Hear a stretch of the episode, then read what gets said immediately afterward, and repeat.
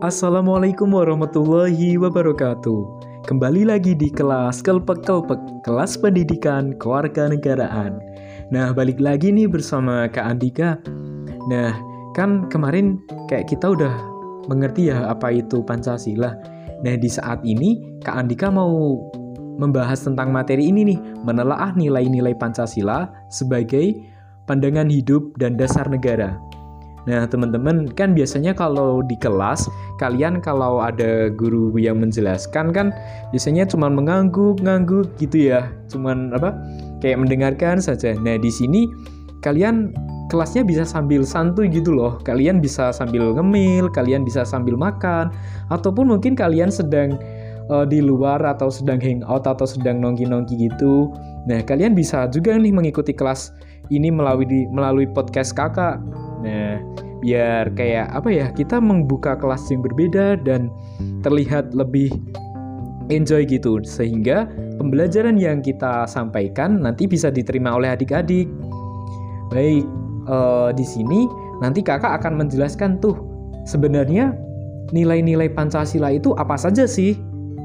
Nah, Sebelum membahas tentang menelaah nilai-nilai Pancasila sebagai dasar negara dan pandangan hidup bangsa, sebelumnya kita harus tahu nih, nilai-nilai Pancasila itu apa saja ya?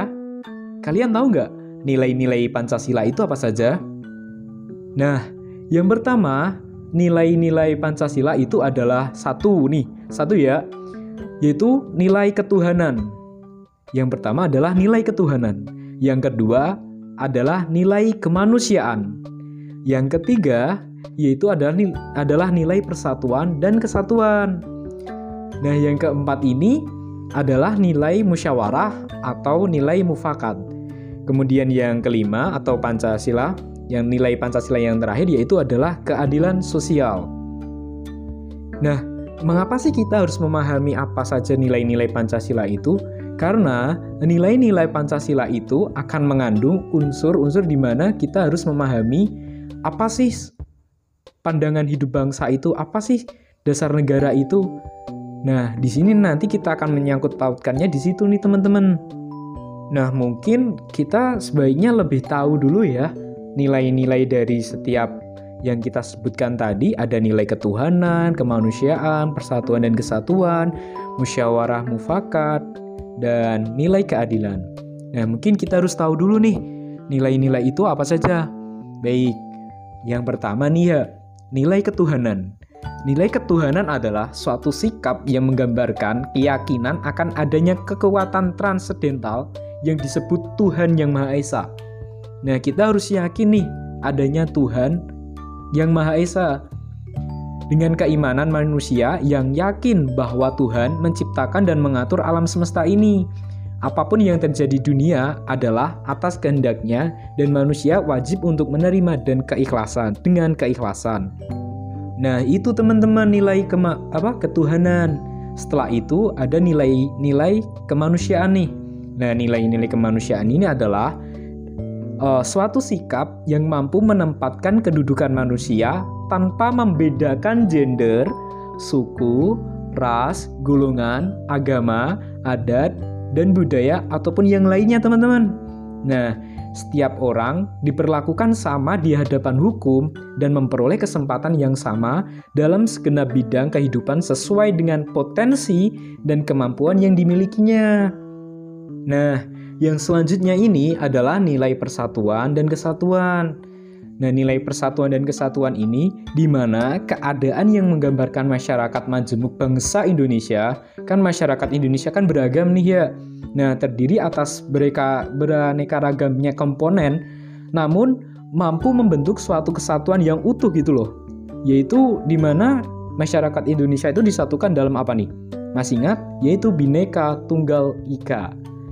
Nah, setiap komponen itu wajib kita hormati dan menjadi bagian integral dalam satu sistem kesatuan negara bangsa Indonesia nih teman-teman. Nah, nilai yang keempat yaitu mufakat atau musyawarah.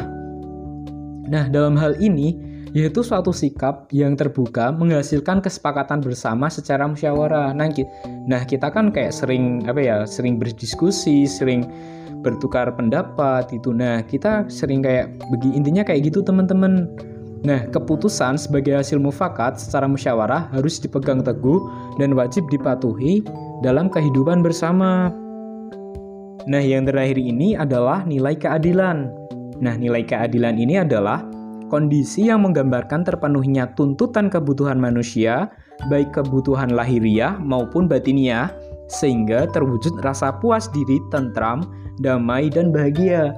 Kondisi ini hanya akan dapat dicapai dengan kerja keras, jujur, dan bertanggung jawab. Nah, ini harus dilaksanakan sesuai, bukan sesuai ya teman-teman, tapi harus dilaksanakan juga oleh seluruh bangsa Indonesia. Nah, kan kita udah tahu nih ya, nilai-nilai Pancasila itu apa saja sih? Ada lima tadi kan ya. Nah, dengan memahami konsep, prinsip, dan nilai-nilai yang terkandung dalam Pancasila, yang tentu masih akan berkembang sesuai dengan dinamika kehidupan di Indonesia. Nah, uh, di sini kita juga harus memahami teman-teman bagaimana konsep-konsepnya yang ada di nilai-nilai tersebut. Nah, sehingga bagaimana konsep, prinsip, dan nilai tersebut dapat diimplementasikan secara nyata pada berbagai bidang kehidupan bermasyarakat, berbangsa, ataupun bernegara. Nah, dalam hal ini kita masuk pada materi ya teman-teman, menelaah Pancasila menelaah nilai-nilai Pancasila sebagai dasar negara dan pandangan hidup bangsa. Nah, Pancasila sebagai dasar negara berarti setiap sendi-sendi ketatanegaraan pada negara Republik Indonesia harus berlandaskan pada nilai-nilai Pancasila. Jadi, apa pun yang berkaitan dengan ketatanegaraan Indonesia, baik pengaturannya ataupun yang lain, ini harus sesuai dengan nilai-nilai Pancasila. Itu tadi teman-teman, nilai 5 tadi loh yang kita sebutkan sebelumnya. Nah, artinya Pancasila harus senantiasa menjadi ruh atau power yang menjiwai kegiatan dalam membentuk negara. Nah, sebenarnya ada salah satu tokoh nih yang memberikan konsep Pancasila sebagai dasar negara dalam pidato dalam pidatonya pada akhir pada hari terakhir sidang pertama BPUPKI tanggal 1 Juni 1945 yang isinya nah siapa tahu? Ada yang tahu nggak siapa nih tokoh yang menganjurkan Pancasila sebagai dasar negara? Kalian masih kalian atau tahu nih tokohnya siapa? Nah tokohnya ini adalah Insinyur Soekarno. Nah di mana dalam pidatonya yaitu uh, menjadikan Pancasila sebagai dasar negara, falsafah negara atau bagi negara Republik Indonesia yang merdeka. Nah, rupanya usulan tersebut saat Soekarno berpidato nih diterima oleh seluruh anggota sidang.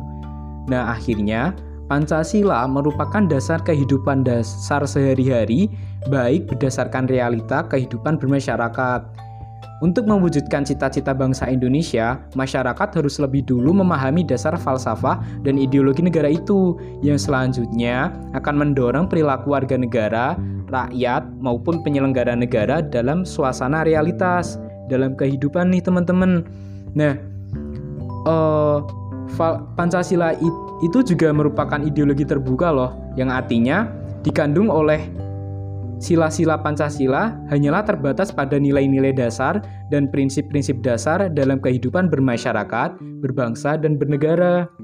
Nah, begitu teman-teman mengenai kayak Pancasila sebagai dasar negara. Kan udah bisa dipahami ya bahwasanya kita tekankan sekali lagi uh, Pancasila sebagai dasar negara yaitu di mana sendi-sendi ketatanegaraan negara Republik Indonesia itu harus berlandas, berlandaskan pada nilai-nilai Pancasila.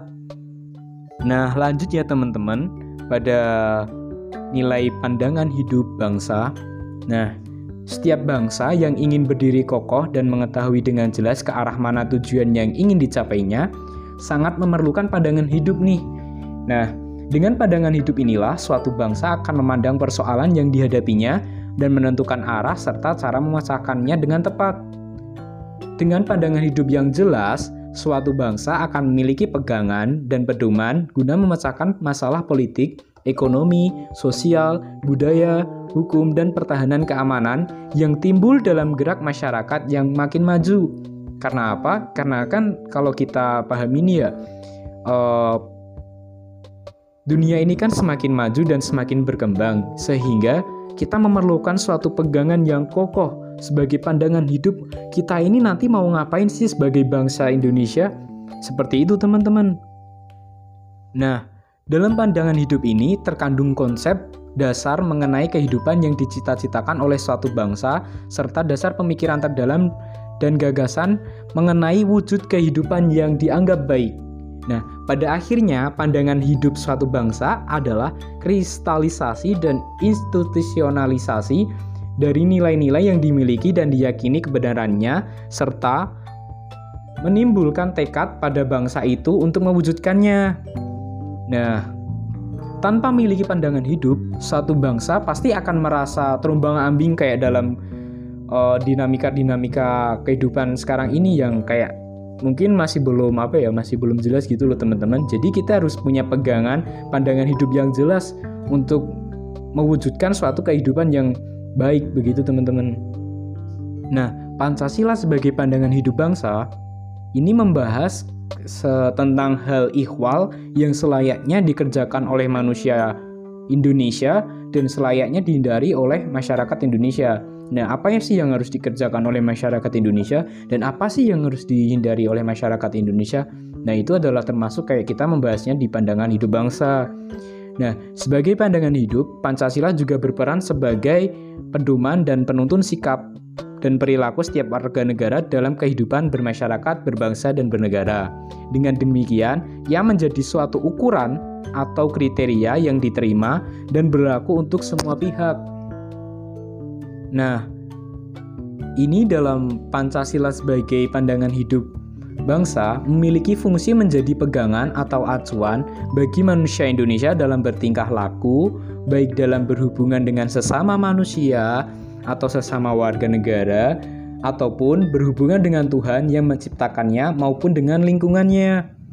Nah, dengan demikian, kita dapat menyimpulkan nih bahwa Pancasila sebagai pandangan hidup bangsa itu mempunyai peran dan fungsi.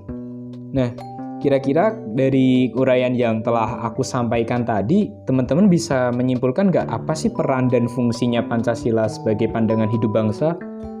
Nah, jadi ini teman-teman, peran dan fungsi Pancasila sebagai pandangan hidup bangsa, yaitu satu, membuat bangsa kita berdiri kokoh dan memiliki daya tahan terhadap segala ancaman, tantangan, hambatan, dan gangguan. Jadi, negara kita itu makin berdiri sangat kokoh walaupun ada ancaman, tantangan, hambatan, dan gangguan baik dari luar maupun dari dalam. Yang kedua nih, menunjukkan arah tujuan yang akan dicapai sesuai, dengan cita-cita bangsa. Nah, yang ketiga, menjadi pegangan dan pedoman untuk memecahkan berbagai masalah dan tantangan di bidang politik, ekonomi, sosial, budaya, dan keamanan nasional. Nah, yang keempat, mendorong timbulnya semangat dan kemampuan untuk membangun diri bangsa Indonesia. Jadi kayak kita punya rasa, ayo mari kita membangun bangsa Indonesia. Nah, yang kelima, ini kita menunjukkan gagasan-gagasan mengenai wujud kehidupan yang dicita-citakan oleh bangsa. Nah, keenam atau yang terakhir, memberikan kemampuan untuk menyaring segala gagasan, dan pengaruh kebudayaan asing yang menyusup melalui ilmu pengetahuan dan teknologi. Jadi kayak kita bisa mendefense apa pun yang masuk dalam bangsa ini, baik budaya-budaya asing yang itu ilegal ataupun yang lain yang jadi jadi teman-teman melalui kecanggihan iptek Nah, kemajuan ilmu pengetahuan, nah kita harus mampu kayak bertahan. Bagaimana sih kita harus bertahan di kala-kala sekarang ini yang majunya global seperti itu. Nah, begitu ya teman-teman. Nah, begitu ya teman-teman pemaparan kelas kali ini mengenai menelaah Pancasila sebagai dasar negara dan pandangan hidup bangsa. Nah, buat teman-teman bisa bisa juga nih yang udah kakak sampaikan tadi yang dengerin bisa sambil santuy kok mungkin tiduran atau mungkin dengerinnya sambil makan sambil ngemil-ngemil gitu juga boleh jadi sebi seenaknya teman-teman aja ya sehingga materi yang kakak sampaikan ini bisa masuk nah sekian podcast kakak untuk hari ini. Uh, selamat mendengarkan podcast selanjutnya. Selamat berjumpa di kelas berikutnya. Wassalamualaikum warahmatullahi wabarakatuh.